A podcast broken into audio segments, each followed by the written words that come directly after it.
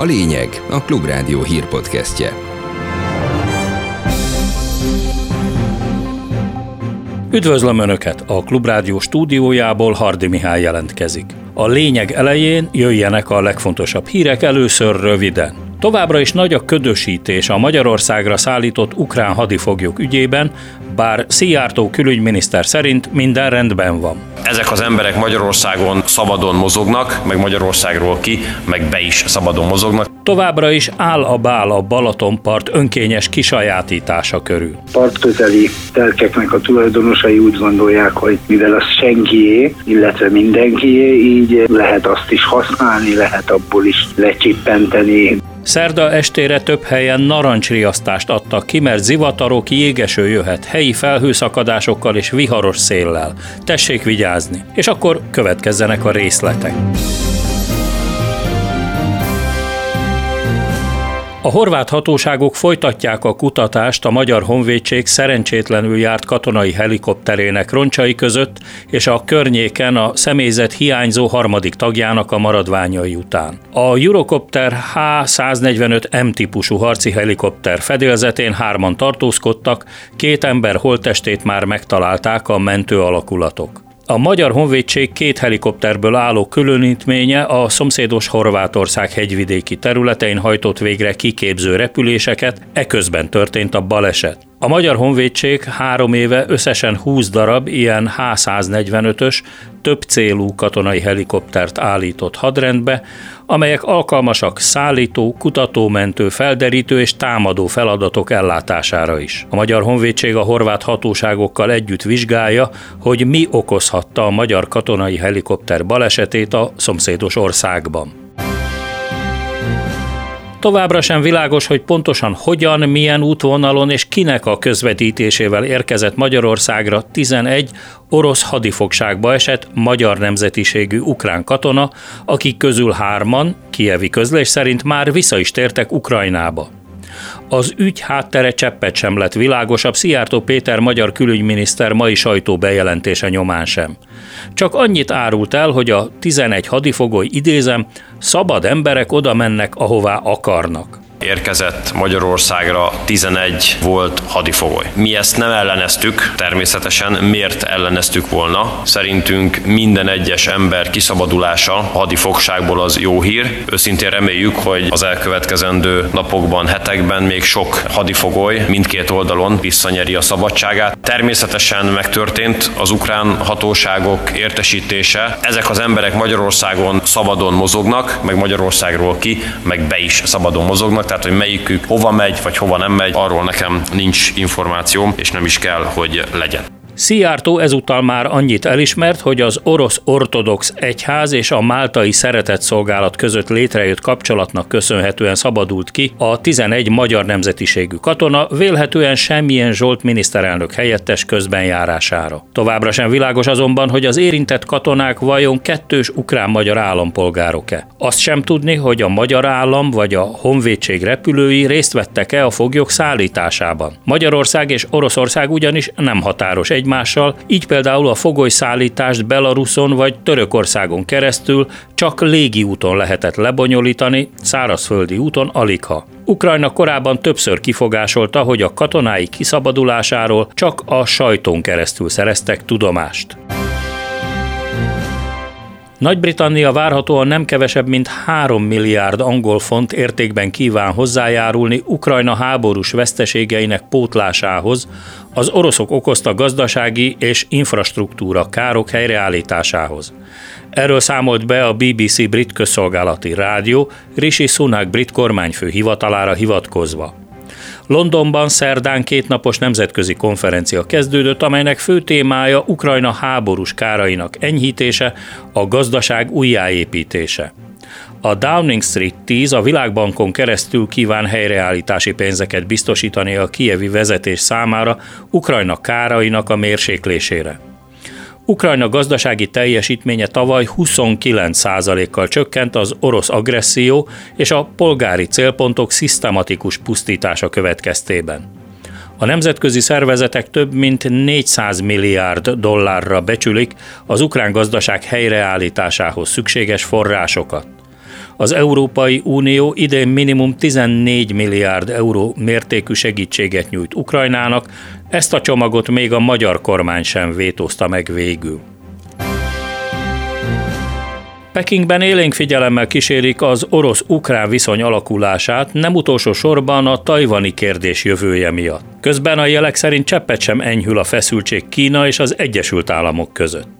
Egy nappal Anthony Blinken amerikai külügyminiszter pekingi tárgyalásai után Joe Biden amerikai elnök egyenesen diktátornak minősítette Xi Jinping kínai elnököt.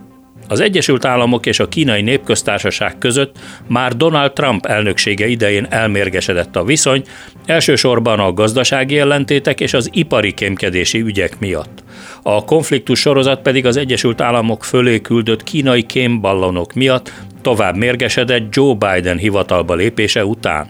Az igazi kérdés azonban az, hogy a kínai népköztársaság nem tett le arról, hogy erőszakkal visszaszerezze az uralmat Tajvan fölött. A feszültségek enyhítéséről is beszélt Csernyánszki Judit mikrofonja előtt Liu Shi-chung, a tajvani összekötő iroda budapesti vezetője. Well, I think Taiwan, United States, Japan, Australia, we are on the same side. Tajvan, az Egyesült Államok, Japán, Ausztrália, mind egy oldalon állunk. Fogalmazott a Klubrádió kérdésére a budapesti tajvani képviselet vezetője Shi Chung Liu, amikor a most Pekingben befejeződött amerikai-kínai tárgyalások eredményéről kérdezem. Miután Anthony Blinkent, amerikai külügyminisztert több mint fél órára fogadtak Xi Jinping kínai elnök. A katonai együttműködés kérdésében viszont nem volt áttörés, illetve úgy is fogalmazhatnánk, hogy ebben a kérdésben nem tudtak dőlőre jutni. We all want peace and stability in the region, especially in the Taiwan Strait. Mindannyian békét és stabilitást szeretnénk a régióban, de természetesen alapvetően a tajvani szorosban. 2022-ben még Románia is megelőzte Magyarországot az Eurostat legfrissebb vásárlóerő paritáson mért fogyasztási listáján. Erről számolt be a Népszava az Európai Unió közös statisztikai szolgálatának adatait elemezve. Mint kiderült, az Orbán kormány regnálásának 13. évére Magyarország az utolsó előtti helyre csúszott vissza a listán, és már csak Bulgáriában rosszabb a polgárok anyagi helyzete, mint Magyarországon. Az Európai Unió átlagát 100%-nak véve, Magyarországon az emberek mindössze az átlag 72%-át érik el, míg ugyanez a mutató Szlovákiában 73 százalék, Lengyelországban 86 százalék, Romániában 88 százalék, és Horvátországban is eléri a 75 százalékot. A lista élén hagyományosan Luxemburg polgárai állnak, az átlagot 38 százalékkal meghaladó fogyasztással, Utána a norvégok következnek, akik ugyan nem EU tagok, de szorosan kapcsolódnak az Unióhoz, és náluk a mutató 126 százalékos, míg Németországban eléri a 119 százalékot. Érdemes megemlíteni, hogy a magyar háztartások fogyasztása a szomszédos Ausztriától éppen 46 százalékkal marad el, mert az ottani mutató az EU-s átlag 118 százaléka, míg a miénk mindössze 72 százalék. Összességében sikeres volt, és a jelek szerint folytatódik az a kormányzati politika, hogy a magyar lakosság megtakarításait az állampapírok irányába terelje, illetve részben ezen keresztül finanszírozza a magyar államadóságot.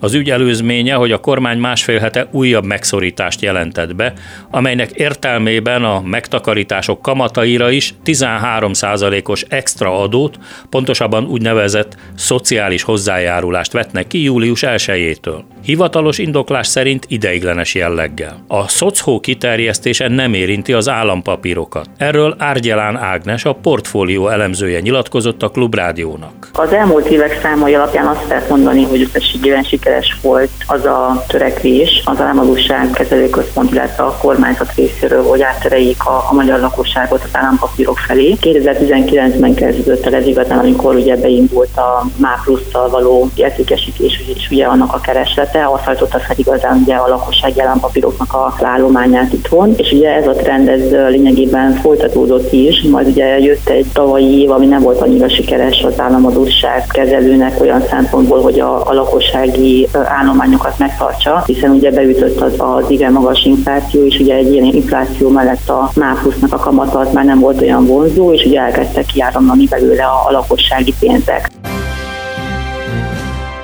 Recsken két héttel a sárlavina katasztrófa után az érintett lakók még mindig nem tudják, hogy mire számíthatnak a jövőben, ki és mennyiben fogja megtéríteni a lakóházaikban esett súlyos károkat. A lakók egy része a rokonoknál, ismerősöknél húzza meg magát, mások pedig kénytelenek még mindig az iskola sportcsarnokában meghúzni magukat. Ismeretes, hogy a két héttel ezelőtti hatalmas esők után szabályos sárlavina zúdult a Recski Hunyadi utca javarészt cigányok lakta házaira, akiket a katasztrófa védelemnek kellett kimenekítenie. A település fölé magasodó hegyen három éve kapott Dolomit bánya nyitási engedélyt Kósa Lajos Fideszes parlamenti képviselő ügyvédjének a cége. Az ügyben most Tordai Bence, a párbeszéd zöldek parlamenti képviselője büntető feljelentést tett a rendőrségen. Ez a tragédia, ez fenyegetett minden pillanatban a bányanyitástól kezdve, nem előzték meg az elkerülhető bajt. Emiatt tettük meg a feljelentést, és meggyőződésünk, hogyha nem Pósa Lajos ügyvédjének az érdekeltségében lenne ez a bánya, akkor bizony Fideszes kormányhivatal nem engedélyezte volna a megnyitását. Azt is látjuk, hogy most, amikor beütött a baj, akkor csapkodás, kapkodás, fejetlen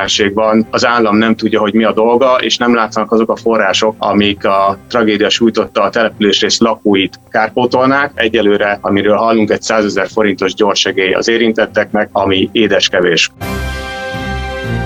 A Balaton Szövetség továbbra is azért küzd, hogy a tópartja minél több ember számára elérhető legyen, az illegális partfoglalásokat, kerítéseket pedig a hatóságok bontassák vagy bontsák el. Egyebek mellett erről nyilatkozott a Klubrádiónak Lombár Gábor, a Balaton Szövetség elnöke, az északi parton fekvő Balaton fenyves polgármestere. Az is kiderült, hogy továbbra is nagy a bürokratikus zűrzavar, a vízfelület ugyanis az országos vízügyi igazgatósághoz, a magyar állami tulajdonban lévő partszakasz pedig pedig valamiért az Országos Katasztrófa Védelmi Igazgatósághoz tartozik. Az önkényes partfoglalókkal szemben pedig megfelelő törvényi felhatalmazás hiány egyelőre nem lép fel senki, derül ki a Balaton Szövetség elnökének nyilatkozatából. A partközeli telkeknek a tulajdonosai úgy gondolják, hogy mivel az senkié, illetve mindenkié, így lehet azt is használni, lehet abból is lecsippenteni bizonyos területeket, és hát mi ezt próbáltuk felderíteni használni fel sikerült is, és ennek folyamányaként ugye feljelentést tettünk a igazgatóságnál, ők közölték velük, hogy nem ők a hatóság, hisz a katasztrófavédelmi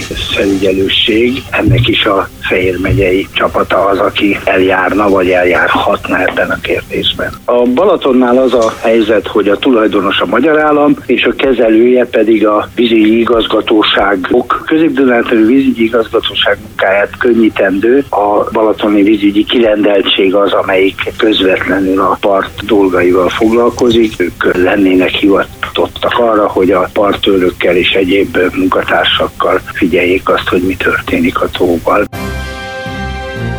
A lényeg végén a várható időjárásról. Marad a kánikula, de már szerda délután és este főleg az ország északi részén sok helyen alakulhat ki zápor, erős zivatar, jégeső. A viharos erejű szelet időnként és helyenként jégverés is kísérheti.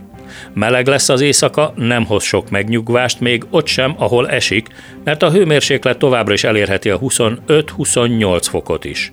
Hajnalra sem lesz sehol 16-20 foknál hidegebb a levegő.